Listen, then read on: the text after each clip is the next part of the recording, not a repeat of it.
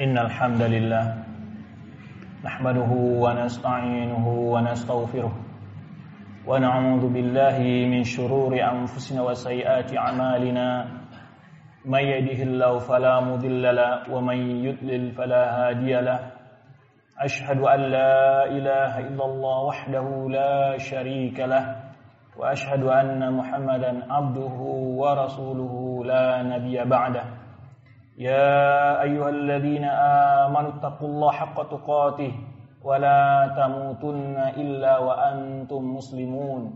يا أيها الناس اتقوا ربكم الذي خلقكم من نفس واحدة وخلق منها زوجها وبث منهما رجالا كثيرا ونساء واتقوا الله الذي تساءلون به والأرحام إن الله كان عليكم رقيبا. يا أيها الذين آمنوا اتقوا الله حق تقاته ولا تموتن إلا وأنتم مسلمون. أما بعد فإن أصدق الحديث كتاب الله وخير الحديث حديث محمد صلى الله عليه وسلم وشر الأمور محدثاتها وكل محدثة بدعة وكل بدعة ضلالة وكل ضلالة في النار. Kaum muslimin sidang jamaah Jumat yang dirahmati Allah Subhanahu wa taala. Seharusnya lah kita untuk senantiasa bersyukur kepada Allah Subhanahu wa taala. Di mana setiap detik kita menikmati berbagai nikmat yang diberikan Allah Subhanahu wa taala kepada kita. Dan betapa kita banyak yang lupa untuk bersyukur kepada Allah Subhanahu wa taala. Maka sewajarnya lah kita untuk senantiasa banyak bersyukur kepada Allah Subhanahu wa taala. Karena atas kelupaan dan kelalaian kita itu Allah Subhanahu wa taala tetap saja memberikan nikmat dan berbagai macam bentuk kebaikan kepada kita meskipun kita meskipun kita lupa untuk mensyukuri nikmat-nikmat Allah tersebut. Maka oleh sebab itu, seorang hamba yang punya kelemahan hendaknya dia ketika diingatkan untuk bersyukur kepada Allah Subhanahu wa taala, dia benar-benar menyadari betapa kekurangannya dalam bersyukur kepada Allah Subhanahu wa taala. Kemudian selawat dan salam buat Nabi kita Muhammad sallallahu alaihi wasallam manusia yang diutus oleh Allah Subhanahu wa taala, seorang manusia yang diutus oleh Allah Subhanahu wa taala dengan kesempurnaan dalam akhlaknya, di dalam imannya, di dalam kepribadiannya. Maka tidak ada panutan dan figur yang lebih sempurna untuk kita jadikan sebagai kudwah kita.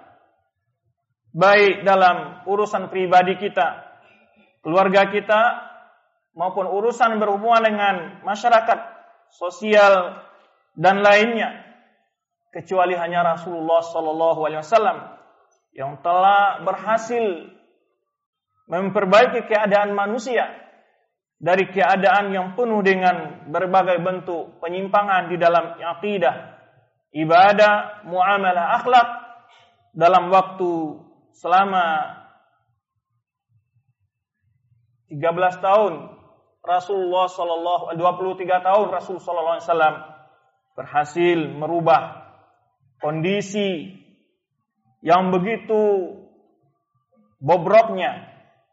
Maka oleh sebab itu, metode pembaharuan dan atau metode untuk membangkitkan kembali umat ini kepada kejayaannya kecuali hanya dengan menjadikan Rasul Shallallahu Alaihi Wasallam sebagai figur yang harus dia lihat bagaimana Program-program yang dilakukan oleh Rasul Shallallahu Alaihi Wasallam, mulai dari kondisi umat Islam dalam keadaan lemah, mereka dikejar-kejar, mereka disiksa, mereka menjadi olok-olokan, menjadi umat yang menguasai dunia. Mereka ketika berkuasa, ketika jaya, justru mereka tidak membalas dendam, tidak memperlakukan musuh-musuh mereka dengan perlakuan yang keji, dengan perlakuan yang hina. Ini bedanya antara akhlak yang begitu mulia pada jiwa Rasulullah wasallam. Kita lihat ketika Rasul sallallahu alaihi wasallam diberi peluang oleh Allah Subhanahu wa taala untuk binasakan musuh beliau. Pertama kali kita lihat bagaimana ketika Rasul sallallahu alaihi wasallam keluar mendakwahi masyarakat Taif. Ketika Rasul sallallahu alaihi wasallam sampai di negeri Taif,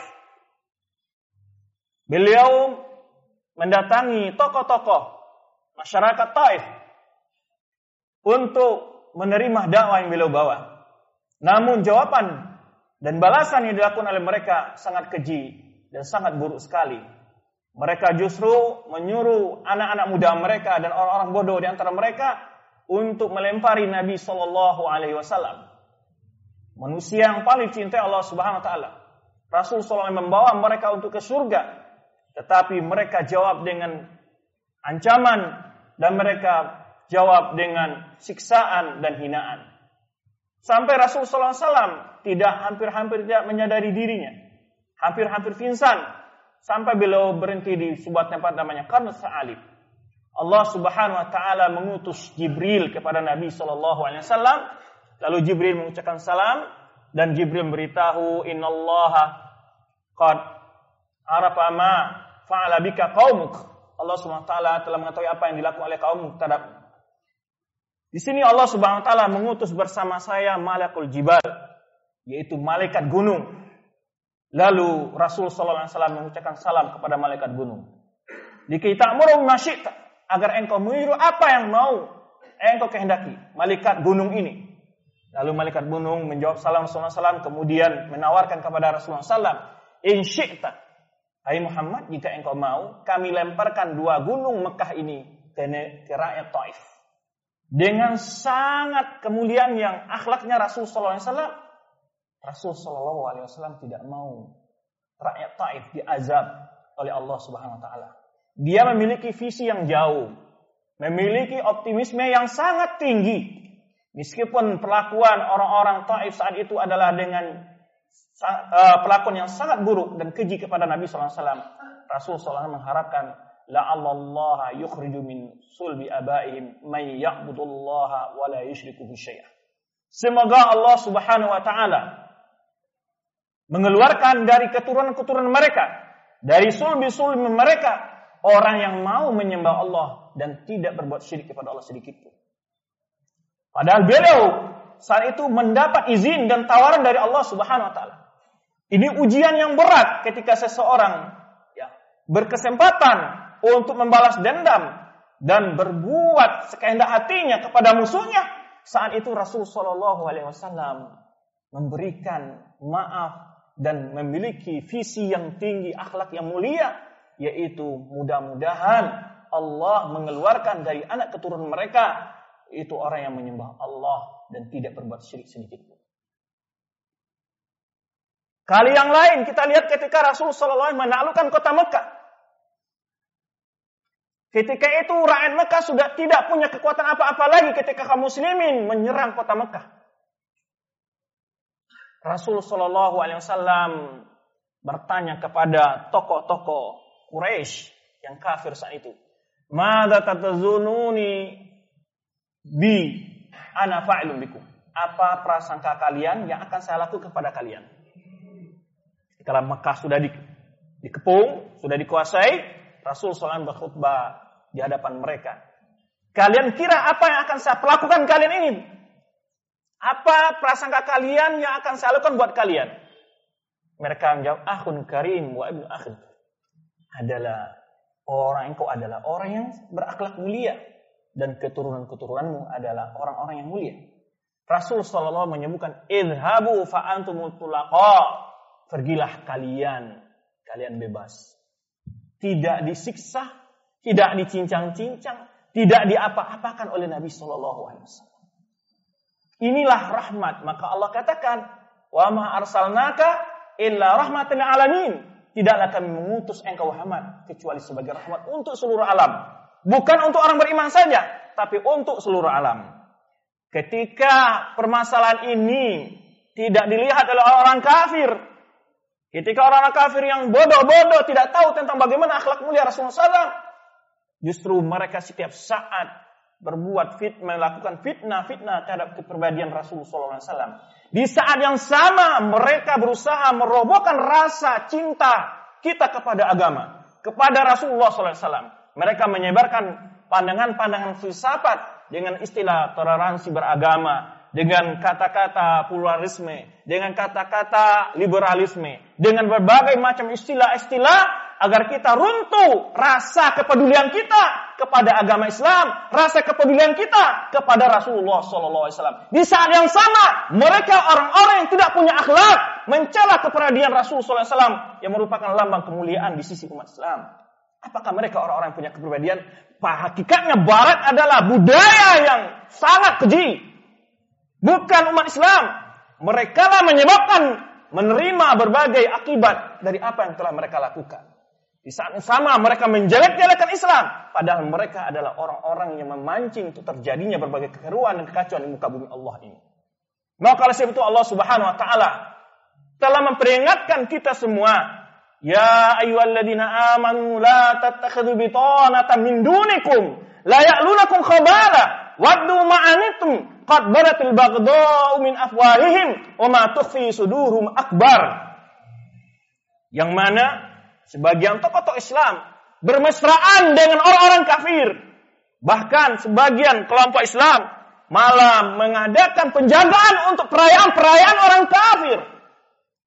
Allah Subhanahu wa panggil kita surah Al-Imran ayat 114 ini, wahai orang-orang beriman, jangan kamu jadikan orang-orang kafir itu sebagai teman akrabmu, sebagai pemimpinmu, sebagai orang-orang yang kamu beri kepercayaan. Kenapa? Mereka itu adalah layak lunakum khabala. Tidak peduli tentang kehancuran kalian. Waddu ma'anitum. Setiap hari mereka menginginkan kalian itu susah, celaka, dan hancur. Tidak akan pernah. Mereka mengatakan simbol-simbol kita harus toleransi. Di mana toleransi mereka? Apa itu bagian dari toleransi mereka menghina Rasulullah SAW? Apa untungnya bagi dunia dan bagi mereka dan urusan apa mereka?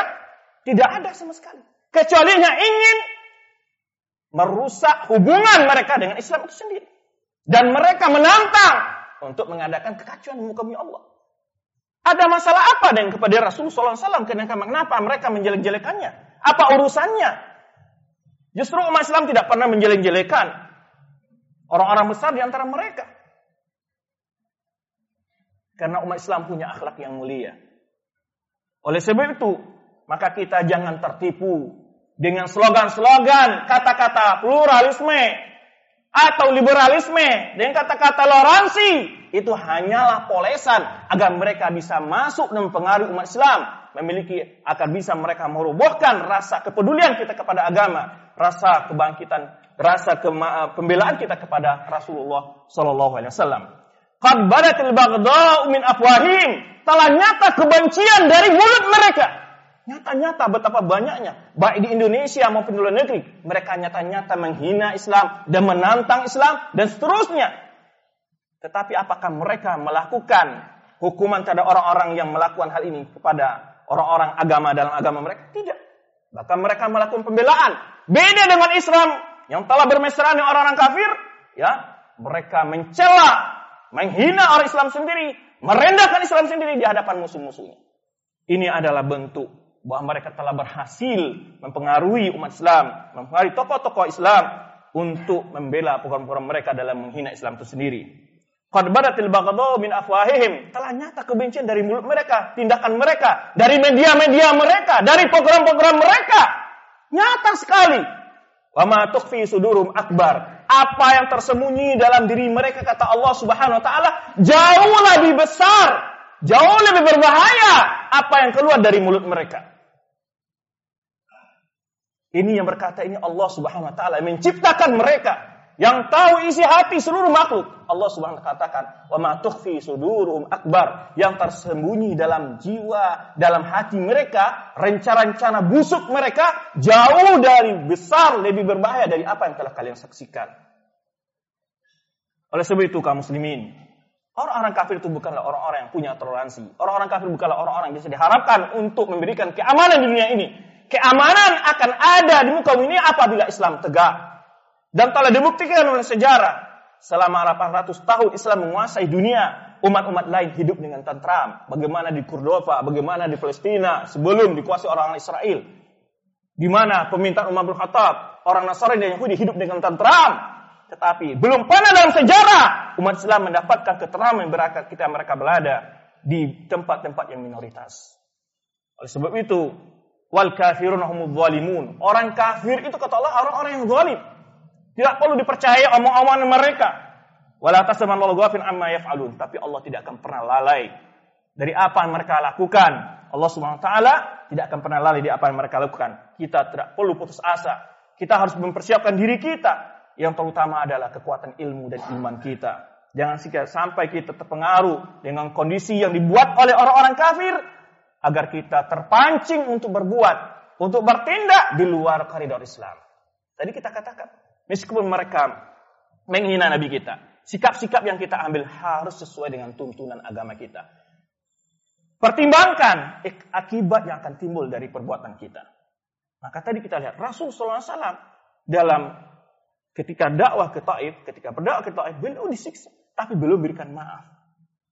Nah, ketika kita tidak pedulikan dengan apa yang mereka katakan, insya Allah proyek-proyek mereka yang akan datang akan terasa gagal oleh mereka. Ketika kita tidak mempedulikan itu dan kita tidak merasa terganggu dengan apa yang mereka lakukan karena itu sudah kebiasaan mereka, tapi di samping itu perlu mempersiapkan secara matang yaitu kemampuan kita dari segi ilmu dan iman kita untuk menjaga keimanan ketakwaan kita kepada Allah Subhanahu wa taala.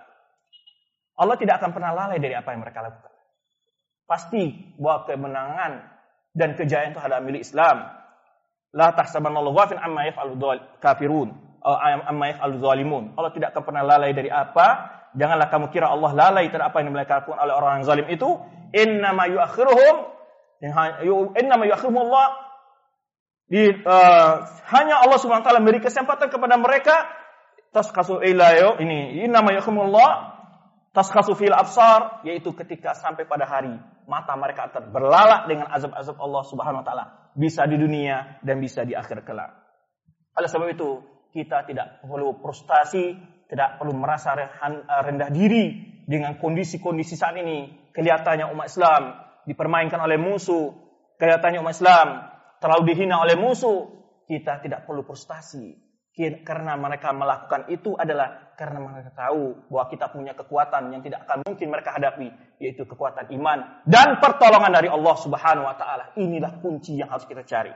Betapapun hebatnya teknologi persenjataan mereka bila berhadapan dengan kuadrat Allah Subhanahu wa taala, bila berhadapan dengan perkasaan Allah Subhanahu wa taala itu tidak akan berbahaya sama sekali terhadap kaum muslimin. Barakallahu li lakum fil Qur'an azim wa nafa'ani wa iyyakum fi min ayati wa dzikril hakim. Aqulu ma tasma'un astaghfiru li wa lakum laysa muslimin fastaghfiru innahu wal ghafurur rahim.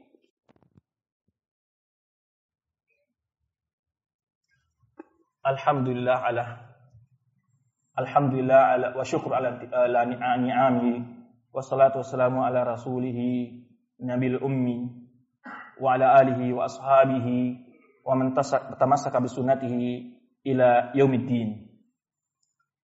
Ketika kita menghadapi kondisi ini, apakah yang harus kita bangkitkan dan bagaimana kita mempersiapkan agar umat ini kembali bangkit? Allah Subhanahu wa taala telah memberikan pedoman-pedoman agar umat ini kembali jaya. Kita tertinggal, kita dipermainkan oleh musuh, kita dihina bukan karena musuh lebih kuat dari kita, bukan.